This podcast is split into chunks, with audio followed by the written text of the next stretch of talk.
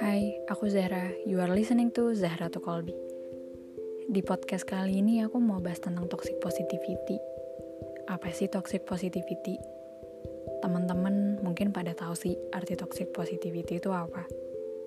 Ungkapan toxic positivity lebih mengacu pada seseorang yang hanya berfokus pada hal-hal positif dan menolak apa pun yang dapat memicu emosi negatif. Misalkan nih, kamu lagi ada masalah, Terus kamu cerita atau curhat ke seseorang yang menurut kamu bakal lega setelah cerita sama dia. Entah itu sama temen, sahabat, pacar, sampai keluarga kamu. Pas kamu nyeritain masalah kamu ke dia, malah muncul kata-kata yang kayak gini dari dia. Berpikir positif aja lah, ambil hikmahnya. Ah, lebay kamu. Masa cuma persoalan segitu doang dipikirin? Udahlah, biasa aja kali.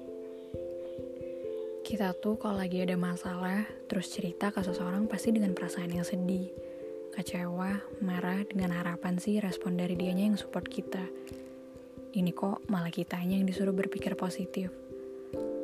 Pas kondisi yang disuruh untuk berpikir positif, kita ngerasa bahwa persoalan yang kita ceritain itu diremehin. Contohnya dengan kata-kata yang kayak gini dari dia.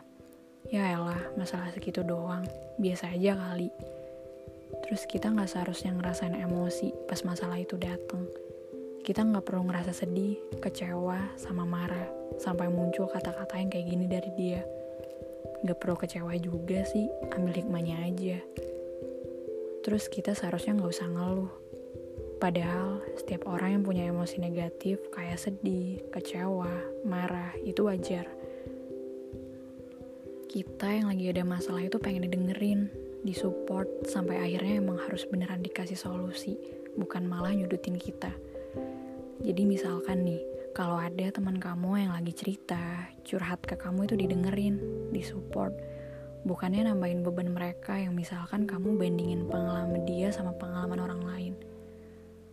Buat ngurangin emosi yang kita rasain itu kan kita bisa berbagi perasaan dengan orang lain. Ya kayak kita nyeritain masalah kita ke dia, yang artinya minimal kita bisa ngelepasin rasa sesak di dada sih.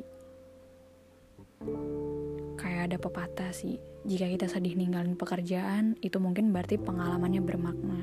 Jika kita ngerasa cemas tentang presentasi, itu mungkin berarti kita peduli dengan apa yang kita rasain.